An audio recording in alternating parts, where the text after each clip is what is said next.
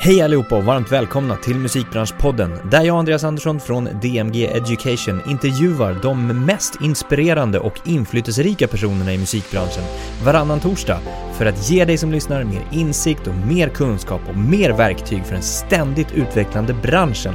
Att prata, att kommunicera och att förmedla budskap är ju något som är viktigt oavsett om du är artist eller kreatör, jobbar på ett bolag eller driver eget.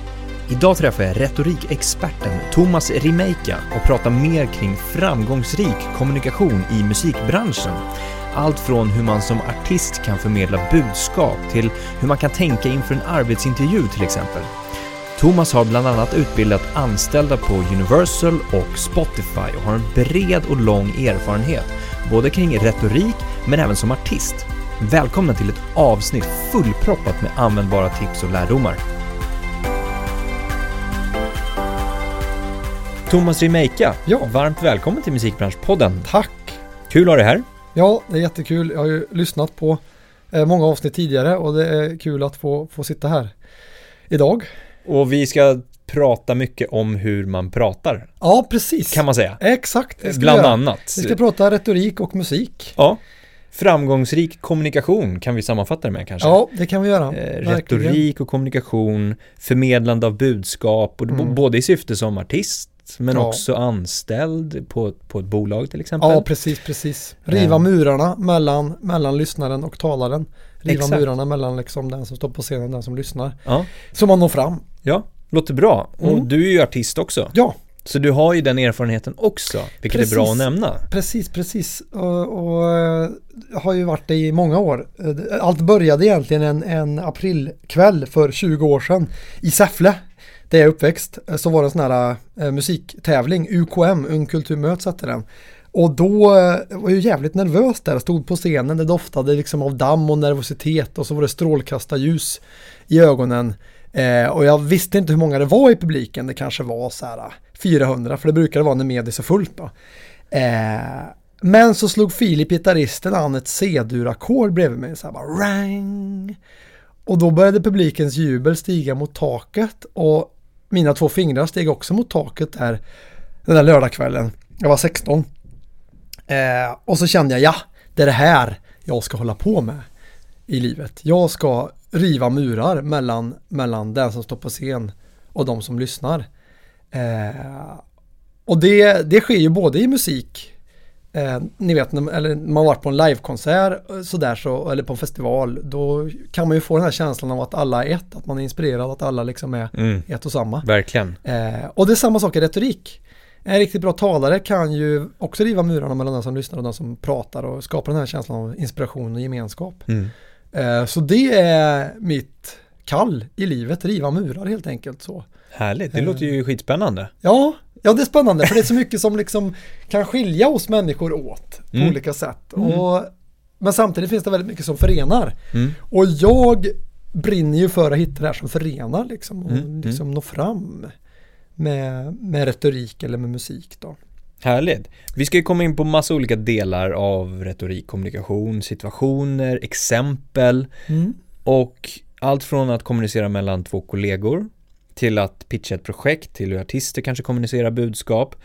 Och den som lyssnar nu då får ju hänga med och försöka applicera det här så gott som det går på sin egna situation. Exakt. För att få ut så mycket som möjligt av det också. Det kommer bli många tips. Ja, Mm. vilket är riktigt, riktigt bra. Mm. Men det som har fastnat hos mig Mm. när jag hör retorik, jag Ja. gick en retorikkurs i gymnasiet Mm. eh, för länge sedan då och eh, det som fastnade var att det första läraren sa på den första första lektionen Mm.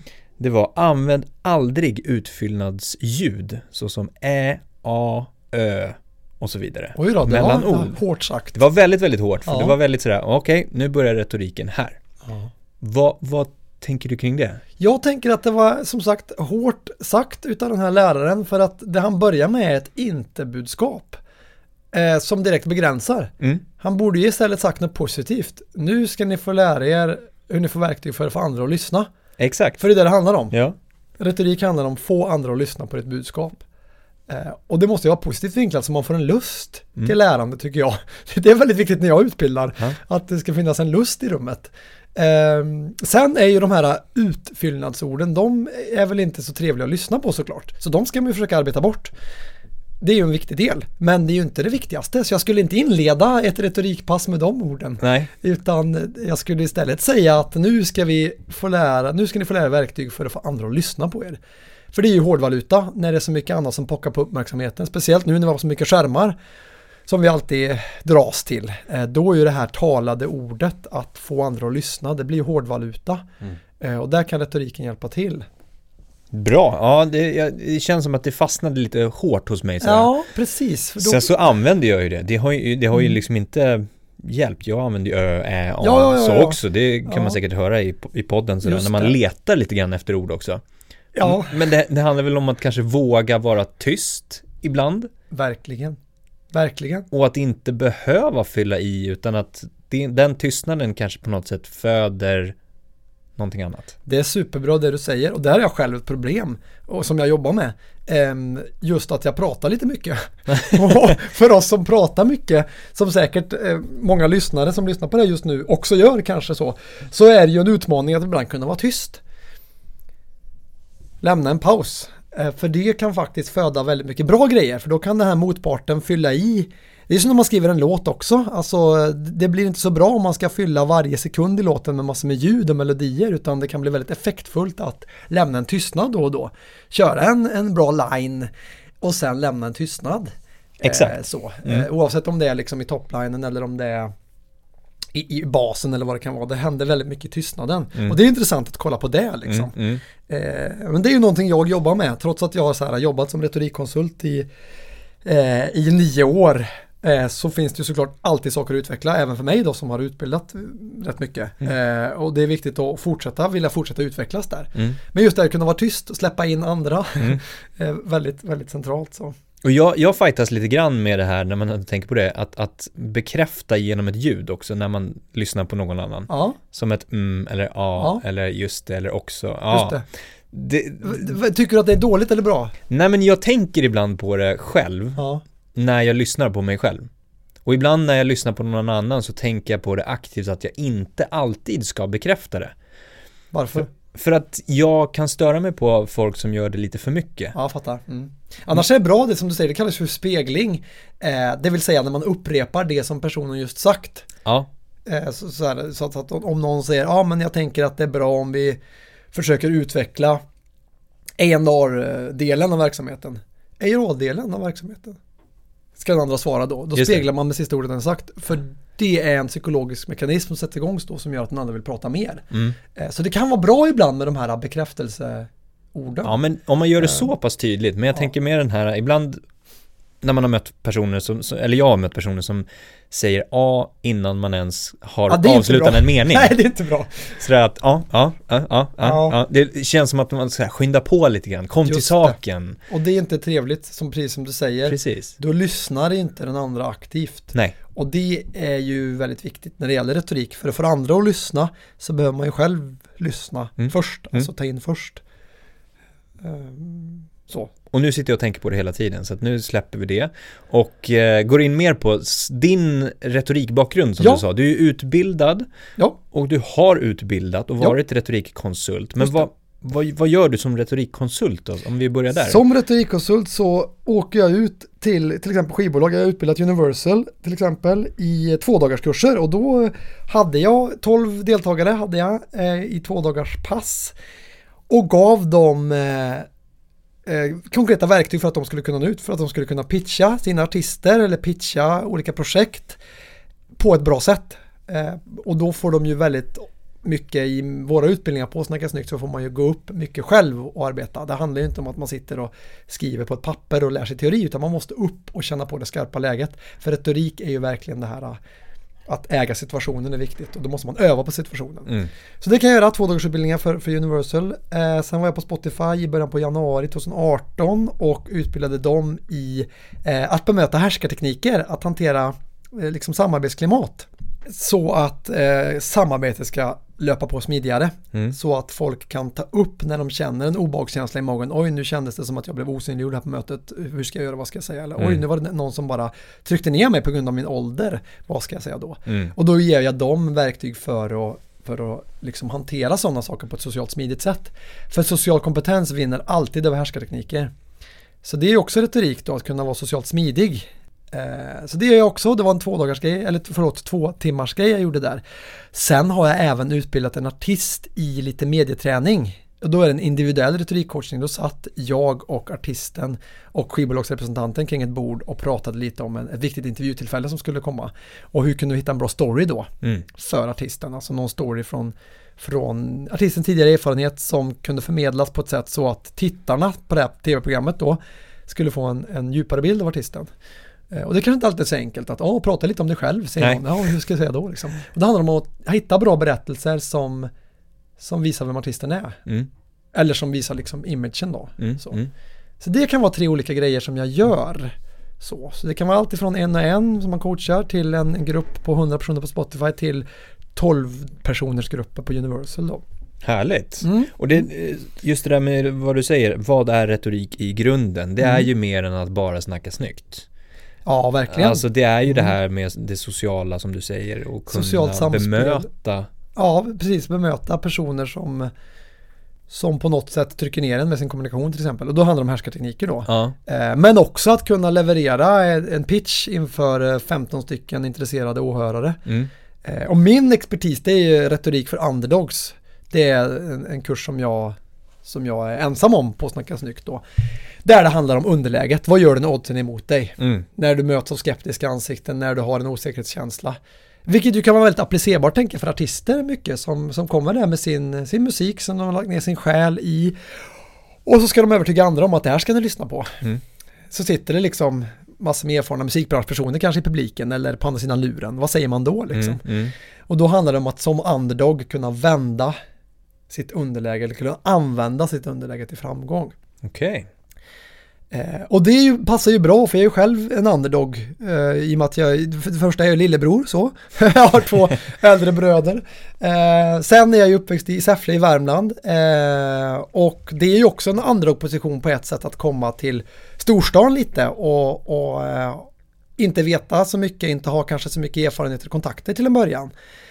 Eh, och sen också det här med att att vara artist är ju också en underdog-perspektiv, åtminstone i början så. Nu har ju vi kommit en liten bit i mitt band på vägen eh, men, men eh, verkligen när man börjar liksom och inte har så mycket då behöver man ju verkligen få stöd mm. för att ta sig fram. Liksom. Mm. Så, um, ja, så det, det ligger väldigt nära det jag, det jag är och det jag gör då. Mm, mm. Men, men det här med att, här, varför är det då viktigt att kunna prata snyggt, att prata bra, förmedla budskap, att förstå sig på de här sammanhangen. Var, varför är det som helhetsbild viktigt? För att om man bara lever i sin egen bubbla eh, så blir det väldigt svårt att nå ut. Och har man som mål att nå ut med sin musik eller nå framgång på ett eller annat sätt beroende på hur man definierar det. Det finns ju väldigt många olika sätt att definiera det. Men då gäller det ju på något sätt att nå ut till andra. Och för att kunna nå ut till andra så behöver man ju veta lite hur man ska göra det. Mm. Och ett sätt är ju att skapa fantastisk underbar musik såklart, som folk bara faller pladask för. Eh, men det är ju inte alltid man lyckas med det. Och jag har ju fått lära mig den hårda vägen att det handlar väldigt mycket om kontakter och nätverk också såklart. Att övertyga människor. Att känna människor. Mm. Och för att göra det behöver man ju behöver man ju retoriken då. Det räcker ju inte bara med en jätte, jättebra låt utan det behövs ju också ett nätverk och liksom kontakter för att kunna, den här låten ska kunna spridas. Så. Eh, det är ju rätt få som skriver en hit som alla bara faller pladask för direkt. Mm. Det kanske är en på tio miljoner. Och grattis om man lyckas med det. Men för alla andra så behövs det ju eh, på något sätt en kombination av såklart väldigt bra musik men också kunna sälja in den på ett bra sätt. Mm. Mm. Och därför är retorik viktigt.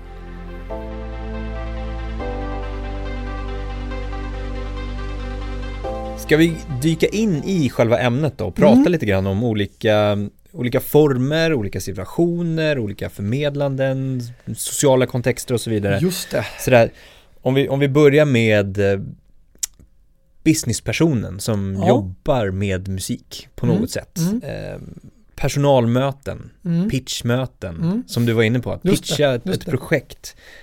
Um, Vad, vad är det viktigaste här liksom att, att få med sig? Eller har du något exempel Ja, på hur man kan tänka? Precis, det en vä- väldigt viktig grej det är att försöka lära känna mottagaren så mycket som möjligt. Och så är det all retorik, det handlar ju om att publikanpassa, alltså situationsanpassa kommunikationen. Mm, Och då behöver man ju se vem är det jag ska övertyga. mm, Superviktigt. Och försöka, om man aldrig har träffat personen förut, då måste man ju googla eller ta reda på det på något sätt. Kanske prata med någon som känner personen och sånt där. För att veta lite vad den här personen för åsikter, för fördomar, för tankar. Eh, det är ju steg ett. Eh, För, alltså för Mm. att eh, kunna anpassa själva kommunikationen mm, ja, eller för precis. att anpassa budskapet? Eh, nej, anpassa kommunikationen skulle jag vilja säga. För oftast Ja. har man ju ett budskap. Det kan vara lyssna på min låt eller eh, börja arbeta med den här artisten. Eh, och det kanske är målet då. Mm. Men då måste man hitta vad är rätt väg för att få personen att bli övertygad. Och då är en väldigt viktig grej som jag fick lära mig av en amerikansk låtskrivare. Det är att inte se varje ögonblick som en do or die encounter. Och vad det betyder är att eh, varje ögonblick kan man istället se som en relationsbyggande grej. Så att man inte bara säger så här, ja, hej, eh, Thomas heter jag, eh, den här låten, den är jävligt bra, eh, signa oss. Mm. Eh, annars så, ja, Eh, det handlar om att komma ifrån det där lite do or die liksom. Och istället bygga en relation. Kanske Mm. skicka en låt och det vore kul att få din feedback. Jag vet att du är grym, jag har sett vad du gjort tidigare. Eh, har du något tips på liksom, vad man kan ta det här vidare? Mm. Så man öppnar upp dörren lite, det inte bara blir så här att man liksom pressar upp den andra mot väggen och säger hej, nu signa det här. Nej. Eh, Liksom, utan man har eh, mycket, en avslappnad approach. Mm. Eh, vilket kan vara svårt som artist, för som artist brinner man ju väldigt mycket för det man gör. Exakt. Och, och det är ju, det är ju den största det största problemet och den största tillgången på något sätt. Mm. Så väldigt viktigt är att kunna stå, ta ett steg tillbaka från sitt material, från sin låt, hur svårt det än är. Och försöka tänka, varför skulle den här personen vilja lyssna på det här? Mm. Eller vad finns det i det här projektet som den här personen kan ta fasta på och gilla? Mm. Och hur kan jag bygga en relation med den här personen? Så att det inte blir liksom shit nu gäller det, nu eller aldrig så här liksom. Mm. Det, komma bort från do or die och komma in lite mer i bygg relation och försök mottagaren passa liksom. Just det. Och det är skitsvårt. Min, en, en, en, en, av, en manager till ett tidigare band eh, som heter Jonas Curling som är en fantastisk människa. Han sa en gång till mig så här, Thomas, din största styrka och den största svaghet i den här branschen, det är din tjatighet, sa han. Jag bara, okej. Okay. det, de orden har jag tagit till mig och jag kämpar med det fortfarande för att just det är en fi- hårfin gräns mellan att tjata och att kunna vara framgångsrik i sin kommunikation. För Ja. det handlar ju om att påminna människor Ja. ständigt. Folk, musikbranschpersoner har ju tusen saker som pockar på deras uppmärksamhet. Och då gäller det ju att kunna framlägga grejer på ett bra sätt. Mm. Men det är klart de glömmer också, så man behöver ju påminna dem. Mm. Men en hårfin gräns där, att gå från att påminna till att bli tjatig. Mm. Och där har jag gått på många bommar genom åren, kan jag säga. så, att, eh, så det gäller ju att kunna kliva ett steg tillbaka från det här passionerade Mm. och anpassa kommunikationen liksom. Så. Då kanske också den eh, personen på bolaget som representerar dig som artist Mm. har ett försprång för att man har en liten distans till Ja, det och inte är, så är liksom det. lika passionerad. Så är det verkligen. Så är det verkligen att, att eh, den personen kan ofta se det lite mer externt. Ja, Å andra sidan kan en nackdel vara kanske hos en, hos en skivbolagsperson då, som representerar projektet att den inte har samma fullödiga person som artisten har. precis. Eh, förhoppningsvis har den ju det och det är därför den jobbar med projektet. Eh, så förhoppningsvis kan den kombinera ett väldigt stort engagemang för projektet med också en lite mera eh, perspektivblick liksom. Eh, och det är väldigt användbart att ha sådana personer. Vår förläggare Mattias Wachtmeister på, på Native Publishing och BMG, han har också sagt att artisten är ofta sin värsta, egen värsta fiende. Mm. Lite att artisten kanske har en väldigt tydlig vision och bara ja, det här är min bebis, det här är min diamant liksom. Eh, den ska ingen få komma med åsikter om. Mm. Mm. Och, och det tänkandet, det kan ofta vara problematiskt. För att eh, då är det svårt att släppa in andra. Om man inte släpper in andra då kan man aldrig bygga det här teamet som man behöver. Eh, det går inte, ensam är inte stark. Det går inte att bygga någonting själv och därför behöver man de här bollplanken. Mm. Där är Mattias superbra eh, för oss för han har verkligen en extern blick. Eh, och kan, kan liksom se saker utifrån. Mm. Så det är ett viktigt råd, hitta någon hitta liksom ett, ett team, någon, Mm. ett bollplank. Mm. För det går inte att göra saker själv. Liksom. Nej. Eh, nu kanske vi kommer lite långt från den här frågan. Men, Nej, men, men- att, ja. Det är jättebra, vi pratar runt det liksom. Eh, Nu, nu har vi kommit Ja, in lite grann ja. på liksom pitchande. ja, och jag tr- tror det är steg ett i de här, inför de här personmötena, inför de här publikmötena. Förbered dig. Ta reda på vem är mottagaren. Ta reda på hur, vad är dens verklighet? Mm, Vad jobbar han eller hon? mm, Hur, hur många år har han jobbat i branschen eller hen jobbat i branschen? Eh, vad har de för värderingar? Vad gillar han för musik till tidigare? Hur kan min musik passa in här? mm. Eh, och så hittar man hitta en väg därigenom. Och då är det bra att ha något bollplank. Mm. Man kanske frågar, du, har du träffat den här personen? Om man har något bollplank liksom. Exakt. Vad, vad, vad vet du om den? För då kan man redan då börja komma ut ur sin egen bubbla lite och börja förbereda kommunikationssituationen. Mm. Liksom. Ja, jag tyckte du sa det bra. Vägen, det är inte själva budskapet du ska Nej, liksom anpassa. Du ska inte, du ska inte börja tweaka på låten eller projektet i fråga för att Nej. anpassa till att ah, men jag vill in och bli signad av det bolaget. Utan att du ska ju fortfarande ha grunden och passionen Ja, kvar. verkligen. Så man inte blir bara någon, någon slags flip-flop sandal som bara liksom vänder. Precis. Vindflöjel, jag vet inte vad det heter. Men, men någon som, eh, det är viktigt med en tydlig vision eh, och tydligt budskap. Eh, och det är också viktigt att kunna vara flexibel i vägen dit. Mm. Liksom. Och det är Mm. där retoriken kommer in skulle jag säga. Ja. Så, så att, eh, Kan man använda, om man tar artistperspektivet då sen, Mm. att, att eh, du förmedlar ju och kommunicerar ju live på scenen till exempel mm, också. ja verkligen. Mm. Här blir ju återigen retoriken ganska viktig del. Kan Verkligen, verkligen. Och jag har ju länge haft en sån här, en, en, en splittring i mig själv lite. Jag har haft den här, så här akademikersidan hos mig, sen har jag haft rockstjärnesidan. Och de har inte alltid eh, kommunicerat så bra liksom. Jag minns en, ett gig vi hade på Kägelbanan för tio år sedan, det tror jag det är nu. Så kom det en, en rätt inflytelserik manager och kollade på oss, som jag hade liksom ringt och försökt få dit då. Och så gav han lite feedback efteråt. Jag skrev, ja, vad tyckte du om det här? Liksom, ja, men musiken var bra, men dina mellansnack kändes ibland lite väl studentikosa. Sa han, jag bara, och, då, och då pluggade jag i Uppsala och sådär. Så att, du vet, då, då var det den här, äh, den formella talaren kom fram Ja, i okej. mellansnacken. Mm, mm. Men under låtarna i giget, då var jag ju frontfiguren, sångaren i bandet. Ja. Som liksom slängde mig ut i stage dive och sånt där. Och då krockar det lite liksom. Ja, exakt. Så det är viktigt att hitta den här äh, röda tråden. Mm. Att i gigget också hitta mellansnack som är personliga. Mm. Och det är en utmaning Mm. ofta. Mm. För att det, man är ju, eller det, det är ju ofta kanske man tror att det är olika roller liksom. Ja. Och där har jag fått arbeta mig fram till att, att hitta min, min värmländska personlighet i mellansnacken. Mm. Så att jag är den här passionerade konstnären även i mellansnacken och inte bara i musiken. Mm. Och det har jag kommit närmare nu.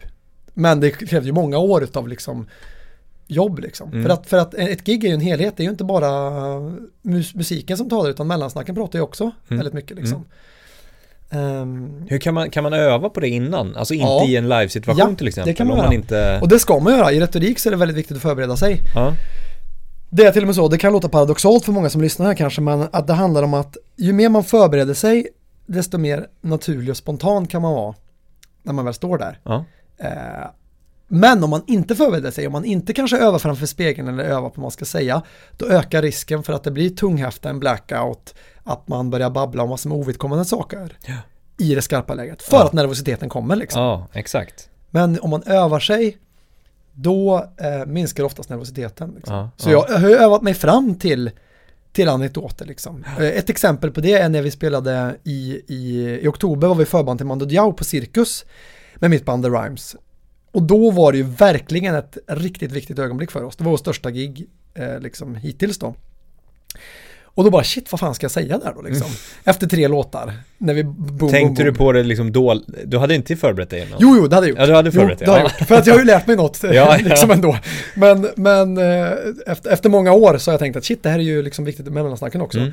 Och då, då tog jag hjälp utav, utav min kollega på Snacka Snyggt, Peter Nitzke, som är standup-komiker och retorikkonsult. Jag bara, Peter, vad, ska jag säga här liksom? Ska, det är efter tre låtar, vi har liksom kört, matat på med energi nu. Sen måste jag säga något till publiken liksom. Mm. Det är liksom ett slutsålt cirkus, det är 1650 pers i publiken. Eh, och sen låten där på är Säffle. Som är en låt som, är, eh, som ligger mig väldigt nära hjärtat. Och hur ska jag nå fram med det budskapet liksom? Mm. Han bara, ja men det handlar om att hitta bort från det här formella liksom, kom in på det informella lite liksom sådär. Ehm, och, och, och då förberedde jag ett mellansnack som jag övade in liksom. För att sen kunna leverera det här när det var skarpt läge, en, jävla tisdagkväll, det fullsatt i Stockholm liksom. Det är ju... Eh, då om någonsin är ju blickarna, strålkastarljuset på liksom. Ja. Och för att kunna vara naturligt spontan behövde jag förbereda mig där liksom. Ja. Så, eh, så då, och då, då handlar det om, då handlar det om, låten handlar om att eh, ett, ett budskap om kärlek och öppenhet och solidaritet. Trots att det kanske är en liten stad i Värmland, en bruksort som många fördomar om, så, fann, så var det ändå väldigt solidaritet när, när den första Pride-festivalen gick av stapeln där. Och då pratade jag om Säffle Pride där. Och då tänkte jag först, ja ah, men det, det ska jag ska säga liksom att ah, det var en stor dag och kärleken tog över gatorna och det var 1500 pers i tåget. Jag trodde inte det skulle komma så många så här. Men då sa Peter, men du Thomas, vänta lite här nu. Lite mera skämtsamhet. Säg så här, ja men kalla mig inskränkt lantis, men jag trodde bara det skulle komma 50 pers i den här värmländska hålan. Eh, Men det kom 1500 liksom. Mm. Mm. Så ja, just det, inskränkt lantis här liksom. För det är något som visar självdistans liksom. Ja. Så då övade jag in det liksom, att, att, säga, att säga det då liksom. Ja men kalla mig inskränkt lantis, jag trodde det skulle komma 50 pers, men det kom 1500 personer. Och jag blev helt knockad utav hur kärleken fyllde stadens gator. Mm. Och det här är en sång som är mot rasism och för öppenhet och solidaritet. Det här är Säffle. Och sen spelar vi den liksom. ja. Snyggt. Ja, och då blev det ju, och då fick jag ju det jag ville ha sagt, då fick jag ut det jag ville ha sagt. Exakt. Och, och, men det hade inte lyckats om jag inte hade tagit emot hjälp där tror jag. Nej. Just för att du vet, som jag pratade om tidigare, som artist är man ju väldigt passionerad Ja. och då kan orden stocka sig liksom. Ja. Ja. Så mycket jag vill säga liksom. Och då är det viktigt att kunna, kunna förmedla det så folk fattar. Ja. För det gör de inte alltid liksom. Exakt. Eh, så det är ett exempel på just hur viktigt det är att förbereda sig Mm. för att få fram naturligheten liksom. Mm. Jättebra exempel. Hur, hur kan man nu som person som, som är med i teamet runt en artist, Mm, eh, manager, skivbolags representant som kanske är med i projektet, Mm. hur kan man stötta en artist i det här? Att, att hjälpa till att få fram Mm, det här? Hitta rösten liksom. Ja, precis. Ehm, det, det bygger ju väldigt mycket på förtroende eh, och så. Att, det handlar ju om att ställa frågor och lyssna. Och kanske en förlösande fråga kan vara vad är viktigast i det här för dig? Eller varför brinner du för det här? Varför brinner du för den här låten? Vad handlar låten om? Kan du berätta om ett ögonblick som den här låten springer ur? Mm. Är det ett barndomsminne den springer ur? Är det första kärleken? Eller är det när du blev nobbad? Är det när du liksom förlorade en, ditt livs viktigaste match? Liksom? Alltså gräv i ögonblicket lite. Ja, förstår. För där kan väldigt mycket hända. Alltså hitta en story som utgår från den egna berättelsen hos artisten. Mm. Det kan förlösa mycket. Mm. Och då måste man gräva rätt mycket i minnen och avgörande ögonblick. Liksom. Ja. För mig var Säffle Pride ett avgörande ögonblick. Jag bara wow, vad hände här liksom? För en annan person, för en annan artist kanske det är när man blev sviken första gången av sin kärlek eller när man tog steget och vågade resa till, till liksom USA för första gången eller sådär. Eller, eller peppen på min, min, eh, min student liksom. Mm. Någon sån där grej. Mm. För berättelser är verkligen nycklar när det gäller retorik. Att hitta en story som Just det. fångar. Så Liksom. ställa frågor och försöka gräva lite mer i det Ja, personliga som Precis med ödmjukhet Ja. och sådär. För det är väldigt personliga grejer. Så det krävs ju en väldigt eh, finkänslig sida liksom. Ja. Ehm, så det är väldigt viktigt. Och det kanske inte alltid är så enkelt att kombinera med den här business-sidan som jag, jag alltid måste ha i åtanke som manager eller som skivbolagsperson. Man måste ju sälja också. Mm. Så det, det är en balansgång där att, att delvis liksom ha det här ödmjuka, fina inlyssnande. Och också kunna tänka, hur säljer vi det här då? Ja. Hur får vi stålar på det här liksom? Eh, och det är en övning att kunna bli bra på både businessen och det konstnärliga liksom. Mm. För en musikbranschperson liksom. Mm. Mm. Eh, och det får man ju, det, där är ju, det är ju retoriken också väldigt, väldigt användbar som kunskap. Mm. Eh, och där har jag ju själv väldigt mycket erfarenhet i och med att, i och med att vi, är vi är väldigt independent i, i bandet och, och, och sådär. Och då måste man ju ta sig fram och hitta, ja, men vem är rätt förläggare för oss? Vem är rätt bokare för oss? Master ska vi äga själva för vi vill, vi vill ha kontroll på det där. Mm. Liksom. Men, men hur hittar vi ett bra team liksom? Exakt. Samtidigt som vi får fram vårt konstnärliga liksom. Om vi tar ett annat, eh, liksom, en annan situation då. Mm. Eh, kommunikation kollegor emellan. Just Man jobbar på ett företag. Det Mm. här med, som du sa, respekt och härskarteknik. Mm. Hur, Ska man tänka på hur man kommunicerar med kollegor till exempel? Ja, det tycker jag. Det är ju, eh, man väljer ju inte sina kollegor. Utan, utan man ska jobba tillsammans. Och det är klart att det är en väldig fördel om det finns en bra lagkänsla, om det finns en bra stämning. Eh, men det är inte alltid det gör det. Och då behöver man ju såklart ta ansvar för sin egen kommunikation på ett bra sätt. Eh, och då är en bra feedbackkultur väldigt viktig. Att man kan ge och ta feedback. Det mm. jobbar vi väldigt mycket med på, på Snacka Snyggt. Eh, där har vi liksom feedbackrundor då och då. Mm. Och så, så måste man ju lägga fram feedback på ett bra sätt. För det är ju inte alla som kan ta kritik Nej. hur som helst. Det är Nej. svårt att ta det. Många tar det personligt. Mm. Jag själv är en av dem att, att det gäller att kunna kliva bak. Även om min fru sa så här i förra veckan. För jag frågade henne så här, hur tycker du jag är på att ta kritik? Du är bra på det, du är tjockhudad sa hon. Så jag bara, va? Det tycker jag inte. Så här. Jag kunde inte känna igen mig i det där riktigt.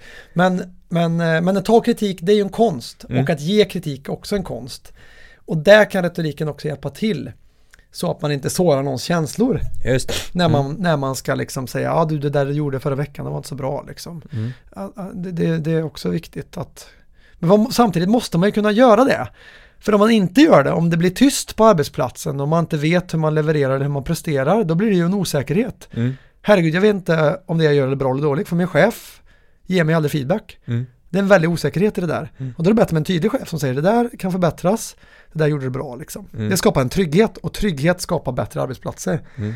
Um, men då handlar det med att kunna framlägga på ett bra sätt då, mm, mm. med retorikens hjälp. Men sen så handlar det väl också om att eh, företaget i fråga måste ha någon slags intern kommunikationspolicy eller liksom mm, att man mm. förstår eh, varför chefen ger den här konstruktiva feedbacken till precis, exempel precis. och hur jag ska tolka det. Ja. Så att det är ett öppet klimat redan innan man gör det så att säga. Verkligen, verkligen. Uh, och jag, jag, en av de här som jag utbildar på Spotify, uh, han och jag tog en lunch några månader senare på Medelhavsmuseet i Stockholm nere vid Gustav Adolfs torg. Och då sa han det att jag är ju tribe leader eller vad det heter och han sitter ju med sina, sina medarbetare. Jag tror det var en timma per vecka sitter han med var och en mm. och coachar. Liksom. Mm, mm. Och jag bara va? Det är ju skitsällan, hur, varför, var, hur kan du prioritera det?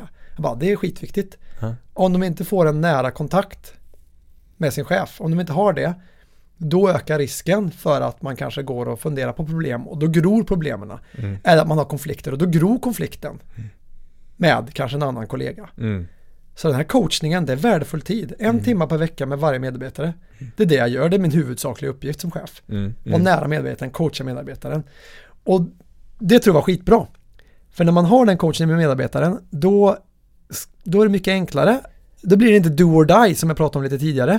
Det blir inte det här äh, pressade, nu gäller det, för vi ses bara en gång om halvåret. Nu måste vi liksom ha, nu måste det vara fakta, allvar och liksom strukturerade punkter. Mm.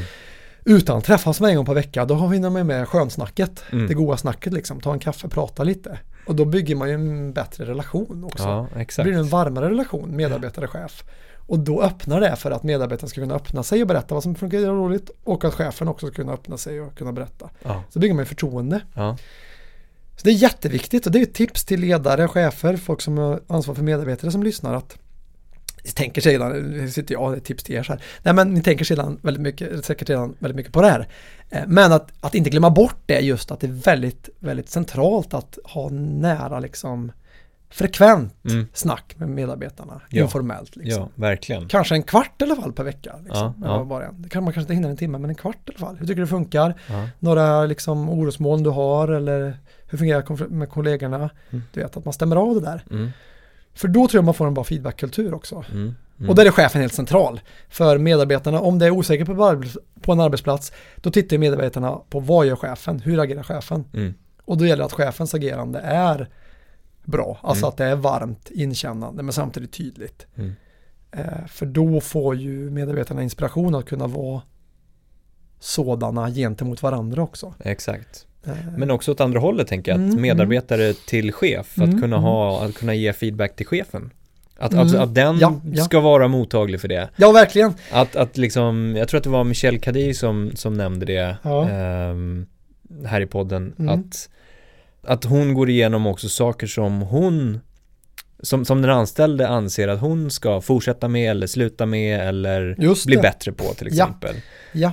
Så att man får den ja, men det förtroendet också på något sätt. Att, att det jag säger som anställd blir också faktiskt viktigt. Verkligen. Snarare och, än att jag bara ska ändra på mig själv. Ja, precis. Det är en tvåvägskommunikation och Mm. det är ju, stämmer ju totalt såklart. Och där är, även där är ju chefen ett ansvar att kunna bjuda in till den kommunikationen. Jag hade ett vd-samtal med Elaine, eh, min chef på retorik eh, på Snacka Snyggt. Eh, där vi hade en timmas feedback liksom. Hur tycker du jag kan förbättra som chef? Vad tycker du jag kan göra bättre? Mm. Och det är ju super att ha en sån chef. Mm. Du vet, som bjuder in till att ge feedback. Mm.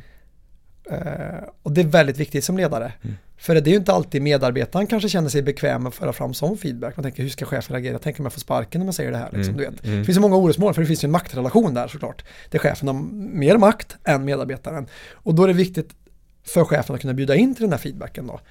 Eh, Så att man kan ge den. Och det bygger ju också förtroende såklart då. Mm. Så Mm. det är jag väldigt tacksam för hos Alina, att hon har den förmågan att kunna ta kritik på ett bra sätt. Mm. Det är ju att jag känner mig mer avslappnad och då levererar jag bättre på jobbet. Liksom, då känner jag mig tryggare. Liksom. Då kan jag stå för det här varumärket ännu mer. Liksom. Mm. Så det är jag väldigt glad för på Snacka Snikt att det finns den, det ledarskapet och den kulturen. Så, ehm, där även, även vice vd Sirena är väldigt bra på det här öppna, raka men samtidigt varma. Liksom.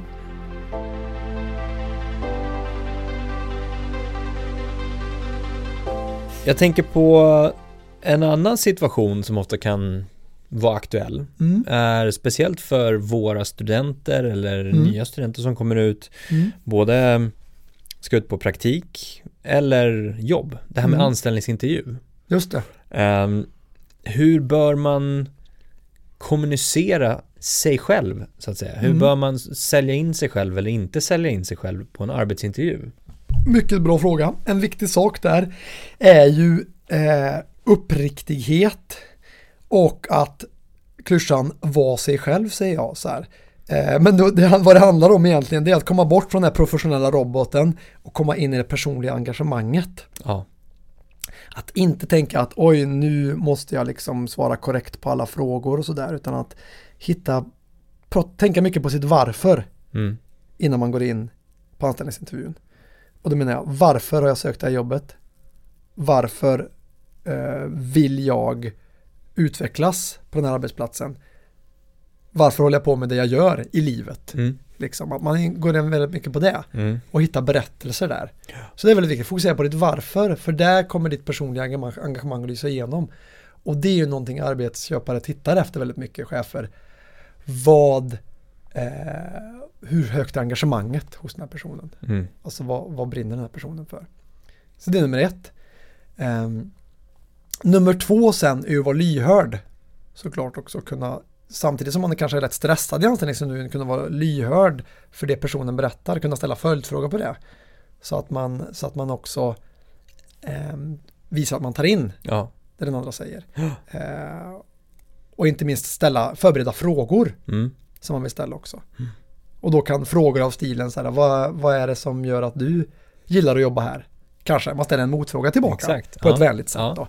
Eh, Och, eller, eller till exempel, vad, har, vad, har, vad är visionen för det här företaget? Mm. Lite sådär. Mm. För att visa att man själv också är intresserad och man själv är den som kanske bedömer om det här, den här arbetsgivaren är, är liksom intressant. Precis, Så. för det handlar ju om precis på samma sätt att, att, att arbetsgivaren ska ju sälja in varför den här arbetsplatsen är så pass bra. Ja, exakt, exakt. Och varför du som, som anställd ska komma in och jobba här. Ja, precis. Så det blir en ömsesidighet där. Ja. Eh, Det, det är ju centralt. Ehm, det var något mer jag tänkte på här.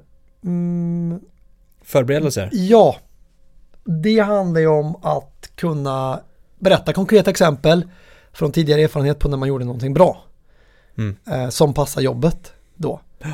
Ehm, och då, och där, är- det är mycket liksom storytelling, hur, hur man pitchar det där då. Mm. Och då handlar det om att kanske välja de här ögonblicken. Om jag skulle pitcha eh, mitt projekt eller vårt band till en musikbranschperson. Ja men då berättar man ju, ja men vi har hållit på sedan 2016, vi har haft över 80 gig i fem olika länder. Vi spelade för ett slutsålt cirkus som förband till Mando Diao i höstas. Eh, vi har eh, två singlar som var på radiorotation. Eh, och det vi brinner för det är just att riva de här murarna när vi är live. Eh, ett exempel på det är att det blev ett sendyk på Cirkus, det blev ett sendyk även här i, när vi spelade på Torshäll Live förra sommaren. Och just det här att, eh, för musiken är ju gränslös kanske man säger. Så man har konkreta exempel bara, och gärna med siffror då. Alltså Mhm. fem länder, över 80 gig. eh, slutsålt cirkus för Bantimando Diao, att man tar in auktoriteter då, eh, så, som, som kan stötta ens sak. Så att det inte bara blir, ja men eh, vi är bra live. Nej. Eller så här.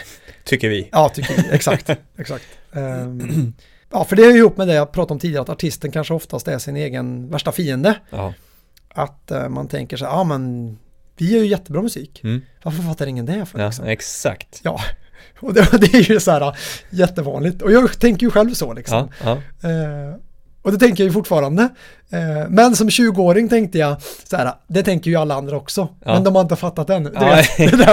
Hur ska jag få dem att fatta? ja, exakt. Så, Ja. här. så en gång till och med så skickade vi brev så här, för att det var ingen som nappade, det var ingen som svarade på den här demon då. Så jag tänkte, ja, vi skriver brev så här, vi skriver brev så här. Och då, då formulerar vi oss så här, och jag bara ångrar mig än idag för den här formuleringen. Och då bara så här, vi förväntar oss att ni återkommer med ett svar om ni gillar det här eller inte. Jag bara, skämskudden.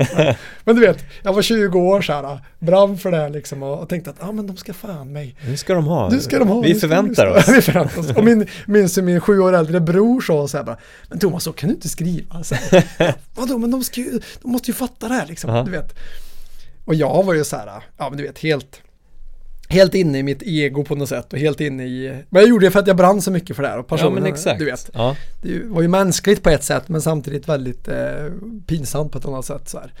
Men det minns jag den diskussionen jag och han hade. Vi satt där på ett så här Gävle station. Jag skulle vidare till Göteborg liksom och han skulle till Stockholm tror jag.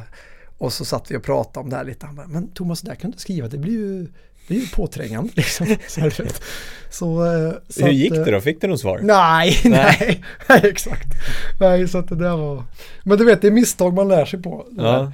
Men apropå det här då, det här, Ja. det här med att hur, hur förstår man, hur kan man läsa av att budskapet har gått fram? Mm. Så att säga, hur, hur vet Mm, man mm, att, att det man vill ha sagt har uppfattats på det sättet som man säger det? Ja, det, det där handlar mycket om att titta på kvitto på kommunikationen. Ja, Alltså kvittenskommunikation. En enkel grej att göra det på, om man nu skulle stå och hålla en pitch inför folk på, i ett skarpt läge fysiskt. Det är ju att säga, det är ju att ställa en fråga så här bara. Hänger ni med på hur jag menar? ja, Och så då får man titta så här, ser man att folk liksom nickar, ser gillande ut, ler, ja då har man en bra kvitto på det där. mm, Eh, är det helt tyst, folk ser skeptiska ut, ja då har man kvitto på att det här funkar nog inte så bra liksom. Eh, så, så ställa frågan är viktigt. Eh, och, och i mailsammanhang är det så här, ja ah, du får svar på ditt mail. Så här. mm, Någon säger så här, ja men det här är intressant, jag vill veta mer. Liksom, Ja. Med det sagt så ska man ju inte låta sig nedslås om, man, om inte folk verkar fatta till en början, eller om inte folk är med på noterna liksom. Utan Nej, då får man precis. återkomma liksom. ja, Då handlar det om att tålamod och uthållighet och kunna återkomma. Och liksom bara, ja men eh, med någon ny nyhet, ja men nu har vi lyckats få den här gigget eller nästa vecka släpper vi den här liksom. Eller Ja. nu har vi fått radiorotation i Tyskland liksom så här. Eh, kunna informera på ett snyggt sätt. ja, ja, Inte skriva, vi förväntar oss ett svar som jag gjorde som 20-åring. Precis. utan bara så här, ja men var öppen liksom. Och rätt vad det är så händer det grejer liksom. Jag har ju ett sånt system, eller hade sånt system tidigare, att jag liksom hade så här mailutskick, kanske en gång varje kvartal eller en gång varje månad till ett gäng viktiga personer i branschen. Alltså Excel-dokument, ja men här är viktiga management, här är viktiga bokningsbolag, här är viktiga skivbolag liksom. Så skickar jag så här korta uppdateringar då och då.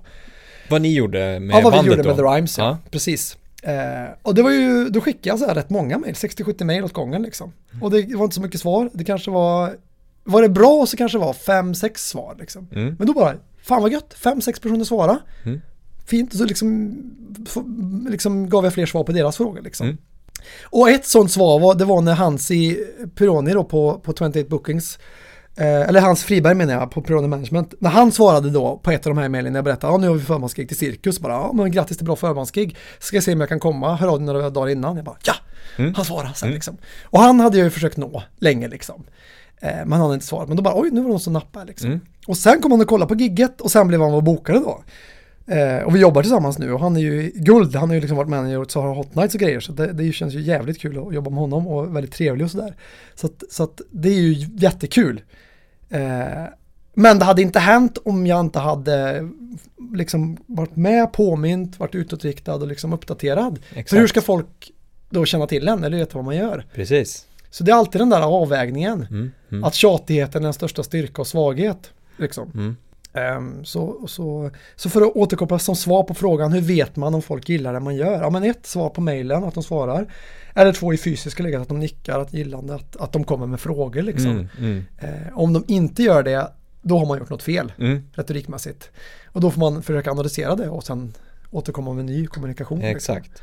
Men jag tycker det, det du nämnde, det här med Mm. mailkonversationen är ju så Mm. pass viktigt också. Att du bekräftar att du har fått ett svar. Mm. Alltså, du skickade ut det från början. Mm. Du fick ett svar, ah, grattis till bra förbandsgig. Mm.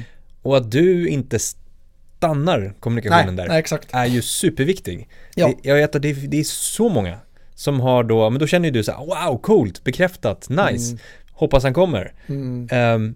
Men följer inte upp med en, liksom en, en bekräftad kommunikationsdel Nej, exakt. liksom. Nej, exakt. Nej, det, det, precis. Och det där har jag lärt mig också många års erfarenhet att eh, fortsätt vara på Ja, tills avtalet är signerat. ja, Typ så liksom. ja. För att, eh, för en gång var det en som skrev, då skrev eh, en på Luger skrev så här, vi hade haft ett gig på Peace med mitt förra band och så mejlade jag, vad tyckte du om det här då? Så här. Och då svarade han så här, ja jag såg rätt många, eh, det var rätt bra men eh, tyckte er spelning var jävligt bra. Vi kör tycker jag, vad säger du? Skrev han, jag bara, wow. Vad hände här liksom? För han hade jag jagat också några månader. Ja. Och sen bara, vad betyder det här? Vi kör tycker jag. Vad säger du? Vad betyder det? Så jag ringde trummisen bara, vad är det här liksom? Ja men han, han, han är nog intresserad. Så Är det ett bindande avtal? Ja, ja, ungefär du vet. Men sen hörde ju inte han av sig på två månader. Nej. Liksom. Och då bara, vad fan händer nu då? Då tänkte jag, ja, jag måste vara på här liksom. Mm. Så då var jag på, det här skrev han i början på juli. I mitten på september fick jag äntligen tag på honom på telefon. Så här bara, ja men hej, du skrev det där. Ja men just det, precis. Eh, Ja men ska vi, kan vi träffas eller så? här, Ja men det kan vi göra så här, tyckte han. Eh, Och han hade ju såklart tusen andra saker på sin agenda. Ja, Eh, Så hade inte jag fortsatt mata på där exakt. efter den här accepten som det ändå var. Ja. Jag hade ju lika gärna kunnat känna hopplösheten bara. Nej, ja nu svarar han inte längre. Ja. Det, det sket sig liksom. Ja. Men gud, gör inte så vill jag säga Nej. till artister som lyssnar. Utan har du fått den här accepten, fortsätt mata på där. På Ja. ett vänligt sätt liksom. För det ledde sen att vi hade ett fysiskt möte och sen blev Luger vårt bokningsbolag med vårt förra band. Och så hade vi dem i fem år liksom. Mm. Så, att, så det gäller att hänga i också liksom. Ja. Ehm, Verkligen. Ja, ja. Men, men eh, jag bara hoppa tillbaka lite grann det här Mm, med mm. att eh, pitcha på ett möte till exempel då, när du ser eh, reaktionerna, alltså att Just få det, den feedbacken till exempel, Mm, nickarna eller inte. Mm. Bör man anpassa liksom det man gör, sättet man kommunicerar det live i mötet om du får Mm, den det. negativa feedbacken? Bör du liksom säga, okej, då Ja. gör vi så här istället? Ja, ja, man bör anpassa det. Och man bör också förbereda sig så mycket att en har beredskap för vad händer om någon ställer den här frågan. Ja, Eh, så att en inte bara kanske förbereder, ja men det här tänkte jag säga, utan förbereder också svar på eventuella frågor som kan komma. ja, För gör man det, då har man ju också liksom har ju en super, ett superskydd på något vis. Eh, att, att kunna förbereda svar. mm, Och i värsta fall kunna säga, du jag har inte svar på det just nu, men kan jag få återkomma? ja, Att man har den grejen som Ja. ett sista liksom, värn då. Eh, Men sen en viktig grej om någon kommer med en fråga sådär som kanske är lite kritisk. Då kan man säga bra fråga. Eh, Vad säger ni andra här om det? Och det handlar om att bjuda in gruppen-frågan. mm, Mycket användbar. För oftast kanske man blir helt ställd av den här kritiska frågan. Och då är det viktigt att komma ihåg, du kan alltid vinna tid mm, genom att ställa en motfråga. mm, Och på ett snyggt sätt kan man göra det till gruppen. Bra fråga, vad säger ni andra om det? mm. Så Det här, då kanske någon, Ja, Mm. snyggt inkluderande på något Ja, sätt också. inkluderande. Och det är en viktig grej. Och det är väldigt viktigt för mig i min retorik, inkluderingen. Ja, Det här med att riva murarna, Ja. som jag berättade om i början, just att, att man skapar en inkluderande stämning så det blir en varm stämning i rummet. mm, Eh, och det, det gör man ju redan i början och det kanske vi kommer till snart, hur man skapar välviljan, den varma stämningen i rummet. Den är helt central sen för hur resten av pitchen ska gå. Och redan där kan man ju förebygga vissa kanske av de här kritiska frågorna. Men om det nu är så, man har fått en kritisk fråga, då är det skitbra att ställa motfrågan. Bra fråga, vad säger ni andra? mm. Eller kanske, bra fråga, men jag förstår inte riktigt, kan du utveckla vad du menar? Precis, för att då- få ännu mer Får man mer tid Mm. och så får den andra prata lite mer också och kanske bli mer specifik i sin kritik. Ja, Och det hjälper ju bara dig som står där, för då, kan du, då kanske du hittar ett bra svar på det. Så här. ja, Då kanske personen säger, ja men det låter bra det du säger, men varför skulle någon lyssna på det här 2020? Mm.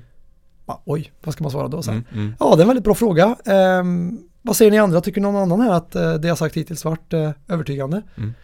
Modig fråga, inte att man vågar ställa det. Men då kanske man har någon där som hjälper en. Ja, Liksom. ja.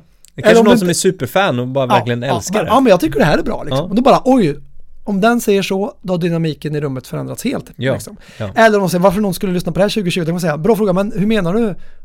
Varför skulle någon inte lyssna på det här 2020? Ja, Kan man ställa då. Liksom. Ja. eller, vad, eller vad tänker du? Kan du vara mer specifik så här? ja, Och sen om den framför sig kritiken, då kan man säga, ja men tack för frågan. Eh, Men jag kan bara summera det jag sagt hittills, att eh, mina eh, provargument, mina bullet points för den här pitchen är 1, 2, 3. Eh, och det är det jag, det är det jag liksom vill framföra. ja. Det kan också vara ett bra svar liksom. Mm. Kanske inte det som liksom vinner hela gänget för din sak, men ändå något som visar att du, du står på dig liksom. ja, ja. Precis. Ehm, Bra. Det här med att, för, att ha en liksom bra kunskap och kompetens inom retorik, om man Mm. sammanfattar med det, ger det också ett sätt att förstå andra människor, hur de kommunicerar? ja, precis. Till exempel om du träffar en eh, kollega, en chef Mm. eller en manager som är på ett visst sätt, Mm. kommunicerar på ett visst sätt. Ja, ja, ja. Ehm, kan du se igenom det med hjälp av kunskapen inom retorik då?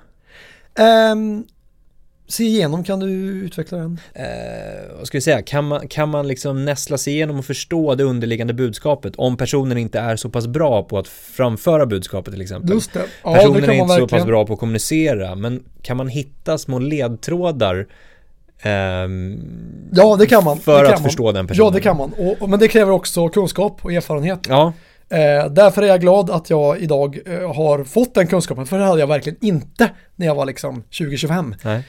Vet, då har man bara personer, bara, ah, men folk måste fatta det här liksom. exakt. Och då är det skitsvårt att läsa av andra. Precis. Och, och- då sluter man sig kanske ganska direkt till liksom, att, ja ah, men han fattar inte vad jag menar, eller hon fattar inte vad jag menar så här. Vad hände där liksom? Ja, De fattar ju ingenting, liksom, kanske man tänker.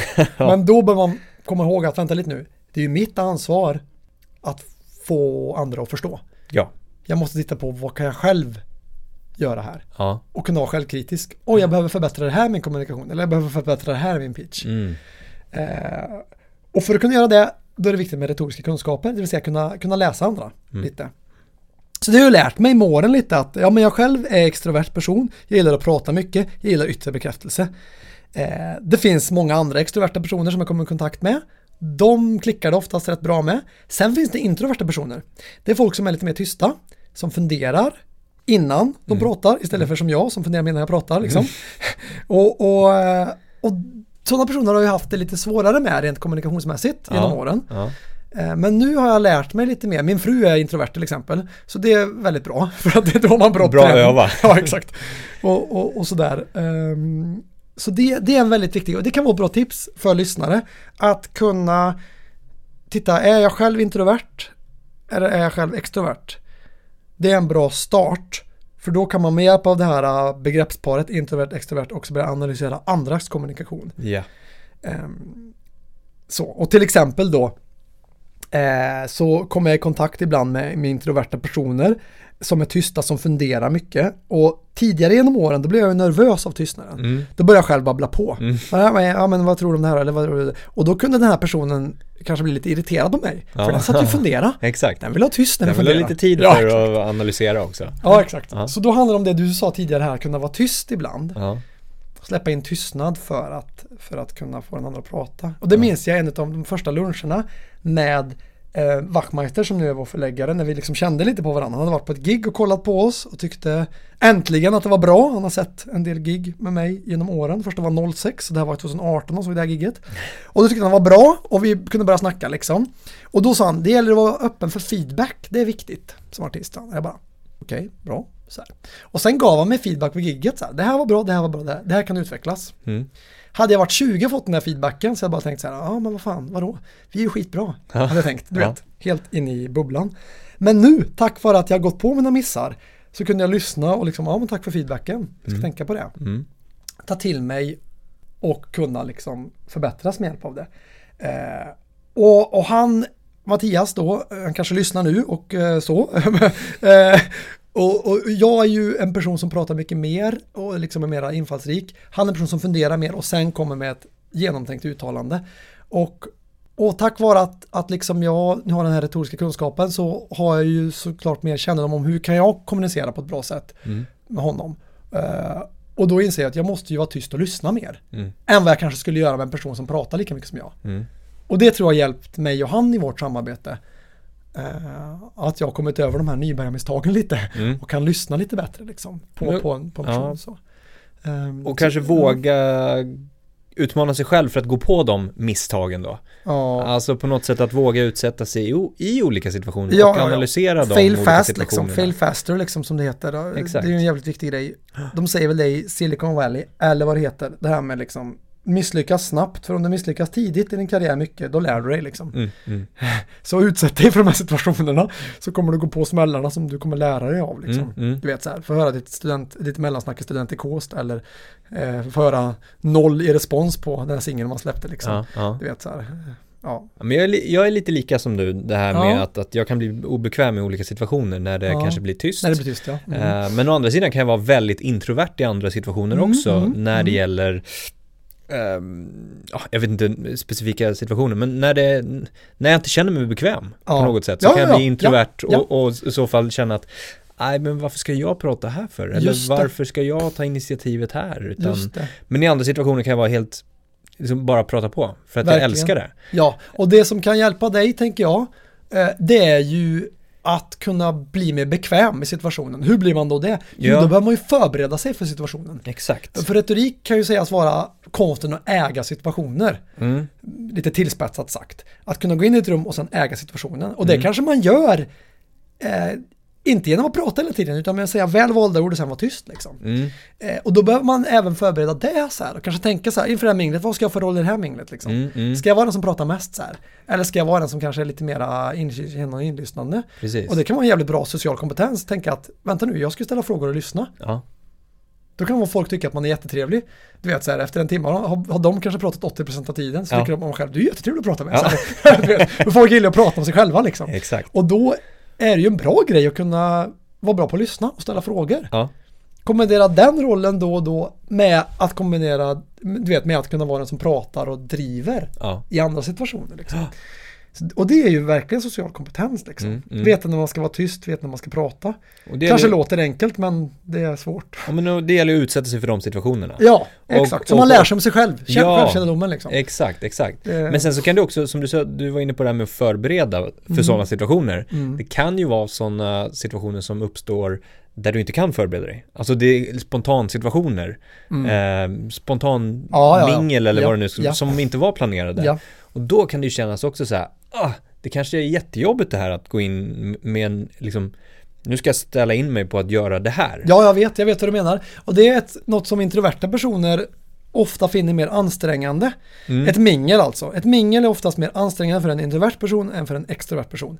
För en introvert person eh, trivs inte alltid när det är så himla mycket folk runt om en och man ska ha liksom korta, lite ytliga snack Mm. med människor. Kanske Mm. vill ha djupa samtal liksom. Ja. Men då är ju inte minglet rätt arena. Nej. Dock så är det så att mingel är en del av musikbranschen, nätverkandet liksom. Och därför behöver man kanske förbereda sig lite extra då som introvert person. Och kanske också avsätta tid för återhämtning efter minglet. Man Ja. kanske är helt slut i huvudet. Exakt. Efter att ha yt, minglat ytligt med Ja. massor med personer. Så att man liksom tar sig lite tid efteråt också. Ja. Så. Men en extrovert person kanske bara, ja det var jätteroligt, jag pratar med massa personer så här bara, wow, vi Ja. snackar om allt möjligt. Sen är vi på en fest där så här, bara, oh, Ja, ja. Vet, och får energi av det så här. Precis. Ehm, Men eh, det här Ja. med att förbereda kan ju också vara att du kan förbereda dig inför de här eh, oförutsägbara situationerna. ja. Att du har, inte vet jag, du har ett gäng frågor nedskrivna i din telefon. Alltså det, just som det, ja. en anteckning med så här fem stycken frågor Mm. för oförutsägbara mingelsituationer. Det är skitbra, jag tycker det är en jättebra grej. Det kan ju någon kanske tycka, ja men vadå, det är liksom, då, då känns det ju väldigt styltigt och liksom ha sånt förberett. Men jag rekommenderar sånt.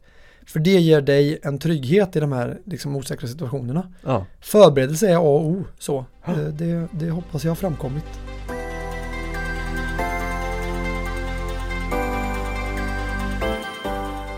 Har du exempel på artister som du tycker är helt fantastiska i sitt förmedlande av budskap? Ja, det har jag. Ja, Det är ju ett nördintresse det här att kolla, i och med att jag både är retoriker och musiker, att kolla lite på vad folk gör. Bono i U2 är ju min stora förebild. Eh, och nu tänker någon som lyssnar, ja men Bono han är en sån här jävla champagnesocialist och sådär och tror det han är. Eh, eh, men eh, han, jag älskar honom, för han använder sin plattform som artist för att göra världen bättre på riktigt. Han mm. lobbar ju till exempel mot George W. Bush eh, ett antal år eh, och säger man ju om George W. Bush, rätt kass president. Men Bono lobbade för att man skulle avskriva skulder till, till utvecklingsländer i Afrika för att fattiga länder betalade pengar till rika länder. Och då fick dem till att folk avskrev skulder till ett värde av flera miljoner dollar tror jag. Så att det han gör, Bono, det är ju inte bara liksom YouTube och bra musik utan även använda sin makt som en av världens största artister till att göra gott för världen och det tycker jag är helt grymt. Mm. Retoriskt mm. liksom. Och det ska, det ska han ha enorm cred för oavsett alla belackarna liksom så. Eh, och ett specifikt tal han höll, jag tror det var på eh, MTV eh, Europe Music Awards 93 så inleder han ett tal så här. What a night! What a fantastic audience! And what an asshole you have for president! Säger han. För att det här var när, eh, kanske var 95, det här var när Jacques Chirac hade, eh, de hade haft så här kärnvapen, provsprängning av kärnvapen på Mururoa-atollen i Stilla havet. Eh, och det tyckte ju Bono var jävligt kast. Mm. Och det väljer han att adressera när han har liksom världens öron eh, där och, och liksom pratar inför de här människorna. Så väljer han inte bara att säga liksom, åh vad fantastiska alla här och MTV är underbart, utan även rikta politisk kritik i det där mm, sammanhanget. Mm. På ett retoriskt råsnyggt sätt. Mm. Eh, genom en anafor där, what a night, what a fantastic evening and what, a, what an asshole, alltså en upprepning som gör att man kommer in i rytmen. Så det tycker jag är grymt hur den använder plattformen. Och sen gillar jag Feist också, kanadensiska artisten. Vi såg på henne eh, 2012 på West, jag och Maja, min fru. Eh, och då hade hon sån jävla skönt informellt mellansnack där hon bara sa, ja oh, men yeah, so how are you guys doing out there? Are you fine? Så här bara, så jävla skön. Eh, avslappnad grej, mm. ingen högtravande grej liksom. Och det, det gillar jag när man kan kombinera det där liksom, att gå in helt i musiken och vara den här liksom upphöjda artisten och samtidigt kunna, kunna vara väldigt mycket du, mm. du, och jag snack med publiken liksom. Mm. Uh, ja, så det är två. Det är lite kopplat till riva murar också, att, att ja. uh, liksom inkludera på något sätt publiken men samtidigt liksom förmedla en låt, en känsla mm. genom musiken. Verkligen, verkligen. Och det är det som är så himla häftigt när det där sker, för det gör ju någonting med oss människor. Ja. Det där. Det är därför musik är så fantastiskt. Att det river murarna mellan oss. Ja. Oavsett om man är, man är liksom svart, vit eller brun eller liksom funktionsvariationer, religionen, sexuella läggningen, alla de här eh, liksom diskrimineringsskiten som pågår i samhället, de rivs ju på en konsert du vet på en festival när alla bara är ett och samma i musiken. Och det är ju min, mitt kall, att, att vara en person som river murarna mellan människor, som skapar den gemenskapen. Och jag har ju sett att det sker ju när vi spelar, liksom. Då ser man ju publikens öppna ansikten där i, i havet, att alla bara är mottagliga. Mm. Eh, och det är en helt underbar känsla. Det är därför jag älskar live, live eh, ögonblicket så mycket. Liksom. Och därför vi spelar mycket live just för att det, det är där det verkligen händer. Mm. Så. Mm. Um. Men om man känner att så här, nu det här är skitbra grejer och man känner sig inspirerad men det känns lite övermäktigt det här med retorik och kommunicera mm. det mm. på ett professionellt men samtidigt ett eh, personligt plan och det, är liksom, det känns lite övermäktigt. Just det. Vart tycker du att man ska börja någonstans? Var börjar man? Ja. Eh, jag tycker man ska följa Snacka Snyggt på Instagram eller följa oss på Facebook. Där ger vi retoriska tips nästan varje dag. Komma in när det blir lite mer bekant med det. Mm. Eh, gå en kurs på universitetet kan man göra. Det kanske kan vara svårt, svårt som start, men gå en delkurs då liksom. Mm, mm. Så, som start. Jag har ju en examen från Uppsala universitet. Så, och det, eh, det var väldigt roligt. Och jag fortsatte väl just för att jag tyckte att det var intressant. Så man måste ju börja någonstans. Så börjar du kanske med en kurs, ja då kanske du växer kanske kunskapshungern mm. väcks i dig mm. och du vill ha mer liksom. Mm. Men, eh, men göra sådana saker för att bekanta sig ämnen. Eller köp en bok i retorik och läs den liksom. Eh, Snacka snyggt till exempel, modern handbok i retorik som Elaine Eksvärd, min chef, skrivit. Den är väldigt bra som en enkel start liksom. Kanske så här, något, utsätta sig i, i någon situation. Ja, jag gillar att du liksom... kommer in på det där. Det ja, men... det. Tack för att du pratar om det, för att det är skitviktigt också. Utsätta sig för skarpa lägen. Det handlar ju, i grund och botten handlar det väldigt mycket om mod. Ja. Du måste våga för att kunna vinna någonting. Och mod består av två saker egentligen. Dels består det av att bry sig om någonting tillräckligt mycket för att faktiskt våga göra grejer. Liksom. Mm. Okej, okay, liksom, ett enkelt exempel. Så här, Oj, nu är det någon som har ramlat i där borta i floden. Så här, Bryr mig tillräckligt mycket för att hoppa i? Ja, då hoppar jag i liksom. Eller, eller oj, nu är den här låten klar. Eh, jag måste, jag måste liksom få ut den på ett bra sätt. Hur mycket bryr jag mig om den här låten? Ja, men jag bryr mig skitmycket. Shit, då måste jag agera. Liksom. Mm, mm. man måste bry sig först. Det är ena delen mod. Andra delen mod, det är ju också att agera. Mm. Att faktiskt ta steget. Ja. Att gå från, ja här sitter jag och gör ingenting, till att tänka, nu måste jag göra det här och sen göra det. Ja. Så liksom, att handla är steg ett. Och att bry sig tillräckligt mycket i, i steg två i modet liksom. Um, ja, så det är verkligen grunden. Att utsätta sig för det skarpa läget, annars kommer man aldrig att vinna någonting liksom fail fast liksom. Som mm. jag också sa tidigare här, att man måste misslyckas tidigt för att lära sig av misstagen och sen bli bättre liksom. Mm. För du kan ju ha supermycket kunskap om, om kommunikation och retorik. Mm, mm. men du behöver ju utöva det för ja, att bli duktig på det. Exakt så. Mm, mm. Exakt. Så det, Härligt. Mm. Men, men um, så här då, finns det saker och ting som vi inte har pratat om? Det finns det säkert. Men finns det delar inom just musikbransch, kommunikation, retorik som vi inte har hunnit komma in på? Ehm, ja, det tycker jag det gör. Jag tänker att jag skulle vilja prata lite mer om det här med personen man har som kreatör, att man brinner mycket för grejen. Vi har inte pratat så mycket om att skaffa ett bra team. Har vi det? Nej, vi har nuddat det lite grann. Nuddat det lite grann. Ja. Får, jag, får jag fortsätta där? Ja, lite? men gör det absolut. Ja, en liten kortis. Ja. ja. för, att, eh, för det går in lite på det här med bubblan som jag pratade om. Det, det är jätteviktigt att också hitta bra bollplank. Som jag nämnde tidigare, att hitta bra personer som man har förtroende för. Där man kan ge och ta kritik. Mm. Så att man inte bara tänker att jag klarar det själv. Ensam är inte stark. Det är mycket viktigt att komma ihåg det att det krävs ett bra team och det krävs en ödmjukhet, inte minst som artist, att kunna släppa in andra. Mm. Eh, eh, och att då våga lyssna. Och det är också en del av retoriken, våga veta när man ska vara tyst. Liksom. Återigen, bygga de här allianserna, skapa team. Liksom. Eh, och där har vi skitbra hjälp av, vi, vi jobbar med Alloded också med, med Hilma, Edvin och Martin där på eh, som hjälper oss med, med promotion, liksom. att ha en bra, ett bra team där, kunna lyssna på dem. Olle Rönnbäck på BMG, också guld, du kommer på giggen och liksom stöttar oss på olika sätt. Och, och kunna släppa in folk är skitviktigt. Eh, och det var jag sämre på för liksom 15 år sedan, 10 år sedan. Liksom. Mm. Eh, men nu, nu, nu har jag liksom gjort min resa till en punkt, fortfarande väldigt mycket att lära såklart. Men det jag lärt mig hittills är att inkludering och att riva murar och skapa ett bra team är skitviktigt. Med alla de här grymma personerna vi jobbar med nu liksom. Eh, och, och, och, det hade inte funkat om jag fortsatt med min, med min liksom alltför framfusiga stil. Eh, utan där har jag retoriken att tacka för att också tänka på att, måste tänka på mottagaren. Mm. Vad tycker den om det här? Mm. Hur kan jag anpassa mig till den personen liksom? Mm. Inte bara tänka nu ska jag ta min megafon och köra ut det här budskapet utan nu måste jag lyssna och inse samspelet, inse relationerna. I och med att relationerna är helt centrala i musikbranschen. Som kanske i vilken annan bransch som helst i och för sig men det känns som att de är extra centrala i den här branschen. Så eh, det gäller ju att vårda dem liksom. Mm.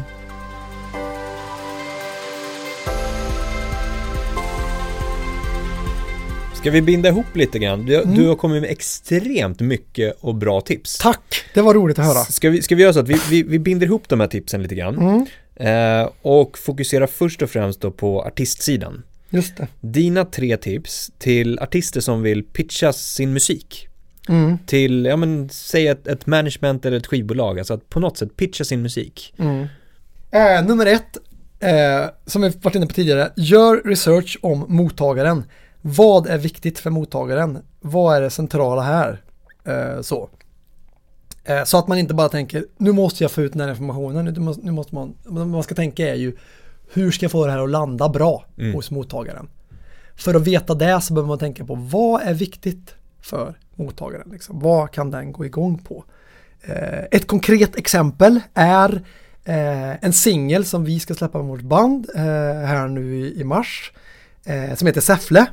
Eh, och den vill jag då såklart gärna få eh, Säffle kommun att nappa på. Eh, för att den handlar om hembygden, hemstaden, den fantastiska värmländska öppenheten och solidariteten. Men hur ska jag få dem att gilla det då? Mm. Och då måste vi tänka, vad är viktigt för dem då? Ja, men viktigt för dem det är väl att eh, kommunen har ett bra varumärke, att den kan eh, locka till sig folk, att det är många som väljer att både bo, arbeta och kanske turista där liksom. Mm.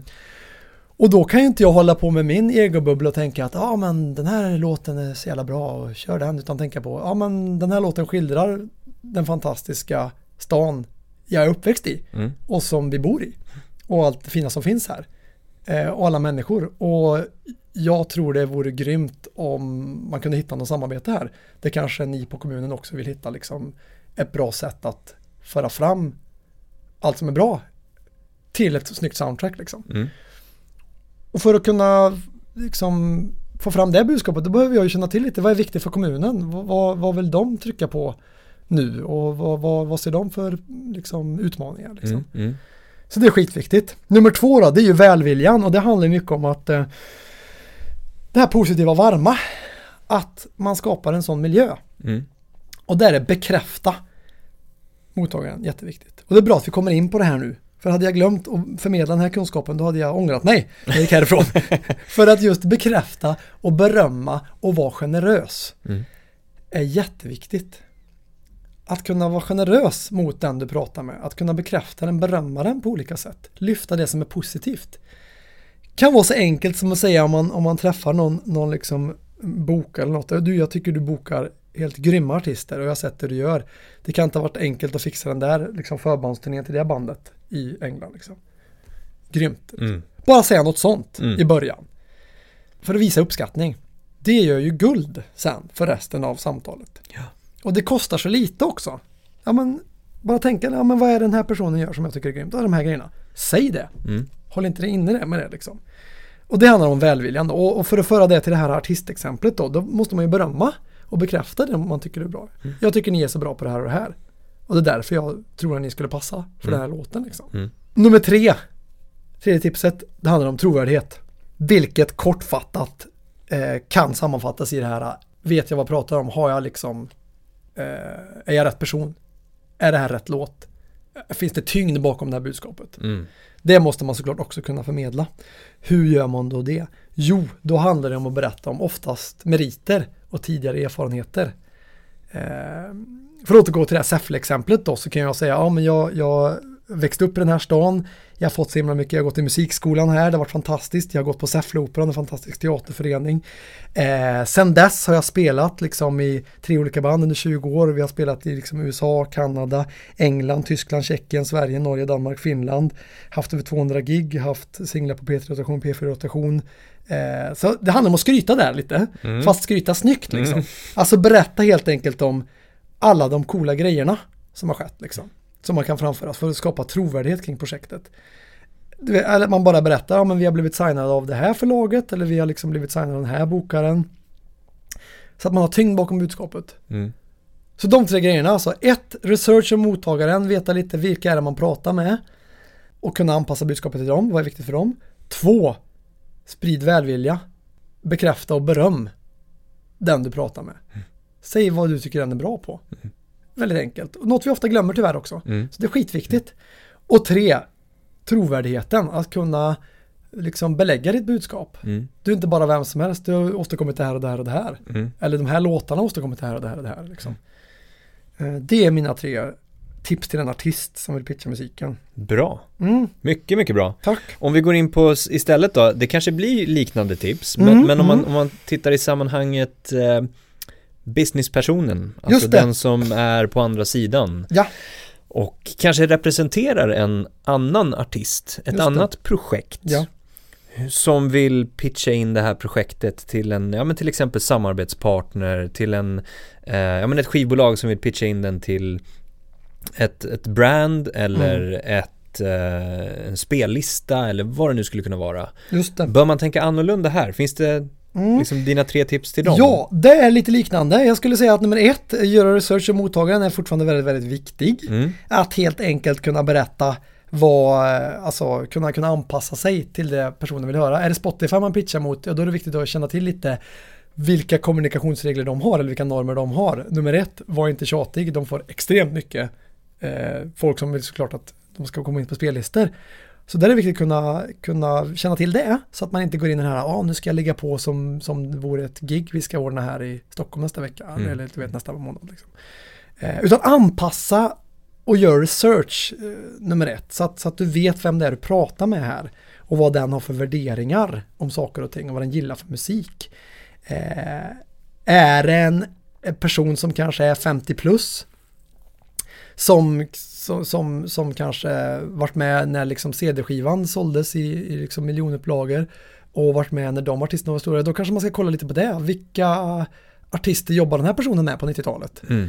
Eh, eller kan jag googla mig fram till vad den här personen gillar för musik? Ja, då kanske man ska ta reda på den kunskapen och sen med den kunskapen eh, kunna skapa lite välvilja, bygga en personlig kontakt där genom att säga du, jag vet ju att du gillar dem, jag älskar dem också. Liksom, jag vet att du gillar eh, R.E.M. skitmycket, jag gillar dem med. Så här. Eller jag såg att du, du jobbat med den här personen, jag var på en konsert med dem. Mm. Någon sån där grej. Mm. Och det vet man kanske inte om man inte gjort research innan. Då går man Exakt. som ett liksom, vitt ark in i situationen. Ja. Och det ska man inte göra. Utan det är viktigt att förbereda sig där. Så man kan sprida välvilja i början. Ja. Som ju också är nummer, mitt tips nummer två här. Eh, vilket är samma tips som till artisten. Eh, att helt enkelt kunna berömma och bekräfta mottagaren tidigt. Mm. Förstå, visa att man förstår deras verklighet då. Ehm, och nummer tre, här har jag bytt ut trovärdigheten för den tänker jag att man kanske har med sig som eh, branschperson. Om man jobbar på Universal då har man ju trovärdighet i det. Liksom att ja, man jobbar för Universal, det finns ju en, en tyngd i det. Eller Sony eller, eller Luger eller Live Nation eller vilket bolag det nu är. Så där tänker jag att trovärdigheten har man redan med sig i hög grad, även om man skulle ska tänka på den också. Men där handlar det om en, en uthållighet och att kunna kanske återkomma med bra nyheter. Mm. Att kunna tänka att det här är en del i en kommunikationsstrategi. Nummer ett, ja vi har ett bra möte. Det var gött. Sen att man även kanske, ja men om en vecka då planerar jag att mejla den här personen på fredag nästa vecka med det senaste nytt här. Och då kanske jag sparat en nyhet. Ja, vi har en Tysklandsturné också för den här artisten. Det glömde jag berätta, men det mejlar jag. Mm. Och då kanske man avsiktligt inte säger det under mötet. Utan den här informationen, den här värdefulla informationen, den sparar jag som en liten godispåse till fredagsmejlet nästa vecka. Mm. Då skickar jag det. Mm. Så att man, man har, får en anledning att återkomma på ett snyggt sätt. Just det. För då bibehåller man ju top of mind hos mottagaren. Mm. Eh, och det är alltid bra att kunna mata på sådär då. Utan att vara tjatig, återigen, hårfin gräns i det där. Men det är man inte om man har eh, relevant information. Tysklandsturnén nästa fredag och fredagen därpå, ja, då kan jag faktiskt berätta om det här artistsamarbetet Mm. vi planerar liksom. Så det är liksom tips tre då, att kunna, kunna återkomma med bra nyheter liksom. Bra sammanfattat tycker jag. Ja, Verkligen. jag hoppas att det här ska kunna, eh, tips sådär. roligt att höra. Ja, Så att jag hoppas att det kan ge nytta till er som lyssnar också så att jag inte bara sitter här och pratar det självklarheter. tycker jag absolut. Det Ja, det är är massa nytta till mig också. Ja, det är bra. Det är bra. Vad, du ska ju få en fråga från föregående gäst. Ja. Vi har ju en sån här vandringsfråga Mm. som är eh, Martin Rolinski som Mm. frågade sådär eh, en liten eh, annan twist på frågan. Just Vad är det. du riktigt dålig på kopplat till din egen yrkesroll? Ja, och det är ju att veta när jag ska vara tyst. Du var inne på det lite i Ja, ja, början. ja, men släppa in folk alltså. Jag gjorde ett eh, jobbigt misstag, eller ja. Så sent som förra året. Man kunde tro att jag hade lärt mig något under mina år här på jorden. Men det finns fortfarande saker kvar att lära. Och det finns ju alltid, det ska man vara glad för. Men hur som helst, du vet, så sent som förra våren så har jag liksom två exempel på när jag istället skulle vara tyst istället för att liksom, du vet, driva på, prata mer, hålla igång liksom. Ja. Eh, Så, att, så att eh, det är något jag jobbar med. Som tur är har jag i alla fall blivit bättre eh, på det än när jag var 18 och spelade mitt första band liksom. Så det går ju framåt liksom. Och det behöver, bättre- det behöver jag fortsatt bli bättre på, både liksom i möten så här en och en. Eh, och när jag sitter med mejl Tourettesen och bara vill skicka det där mejlet, ja men den fattar ju inte det här. De bara, nej vänta nu, var Mm, tyst. mm. Så. Mm. Ja, så det, det är en, en kamp. Ja. Men eh, ja, det gäller att ha ödmjukhet och liksom inse det. Och då, det beror också igen med ett bra team att omge sig med personer som kan påminna om det där. Vänta lite Exakt. nu. Ett steg tillbaka nu Thomas. här. Du är lite impulsiv. Här. Ja, ja. Det, brukar, det brukar Erik, gitarristen i, i The Rhymes i, i, i bandet säga till mig. Vänta, ja, men, ja men tänk så här då liksom. Eller? Ja. Det kanske är bra ta det lite lugnt nu. Han brukar ge mig det där lugnet. Det är jag väldigt tacksam för. Så. Men det är väl bra att det finns utvecklingspotential? Eller liksom att det finns förbättrings... Ja, Om allt vore frid och fröjd, vad tråkigt livet skulle vara då? Ja, exakt. Eller hur? Jo, jo, men exakt. Det är ju, man lär ju sig på misstagen liksom. Ja. Så, och jag är ju jättetacksam såklart för allt som vi uppnått liksom. Jag är ju jätte, det är ju, musik är ju mitt kall och passion och jag är ju jätte glad att vi ändå kommit en bit liksom. Så det är ju gött liksom. Det är inte bara så att jag grämer mig över misstag utan jag är tacksam för resan också såklart. Så. Du ska ju ställa en fråga till nästa gäst också då. Mm, mm. Vad vill du ställa då? Ja, och då är jag inne på det här med tacksamheten. Ja, För det behöver vi tänka på mer, vi människor.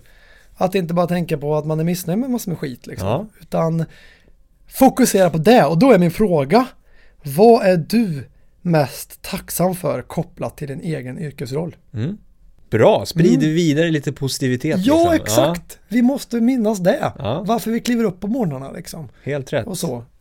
Ja, det är någonting jag liksom tänker på ofta. Nu måste jag tänka på tacksamheten. Ja. Du vet, stanna upp lite. Vi har uppnått det här. Det är Ja, grymt liksom. Så. Så, ja. Mm. Bra. Mm. Jag nämnde ju några utmaningar som jag hade mm, kopplat till retorik. Det här med kanske också lite vara tyst ibland och inte Just att du hamnar i obekväm situation. Ja, och, men dels det och det här Mm. med mellanljuden och, och sådär. Just det. Eh, tycker du jag får godkänt för det vi har snackat om nu? Alltså vårt samtal? Vårt samtal? Ja. Ja! Jag, jag älskar ju Musikbranschpodden. Jag tycker det är skitbra hur ni öppnar upp branschen. För den har varit jävligt stängd kan jag meddela. Det var inte lätt på tidiga 00-talet. Så. Eh, men nu är det enklare. Ja. Så. Och det, ni är med och bidrar till det. Och det är väldigt, väldigt gott. Härligt. Kul att höra. Ja. Mm, Du eh, Thomas, ja, stort tack för jättetrevligt samtal. tack. Det var jättekul att få vara med här. Tack för att du har lyssnat på podden. Du har väl inte missat något av de senaste avsnitten? Och kom ihåg att prenumerera på podden för att inte missa viktig kunskap. Vem tycker du ska vara med i podden och vad vill du lära dig ifrån podden? Hör jättegärna av dig till mig på andreas@dmgeducation.se. Alla tips är jättevälkomna.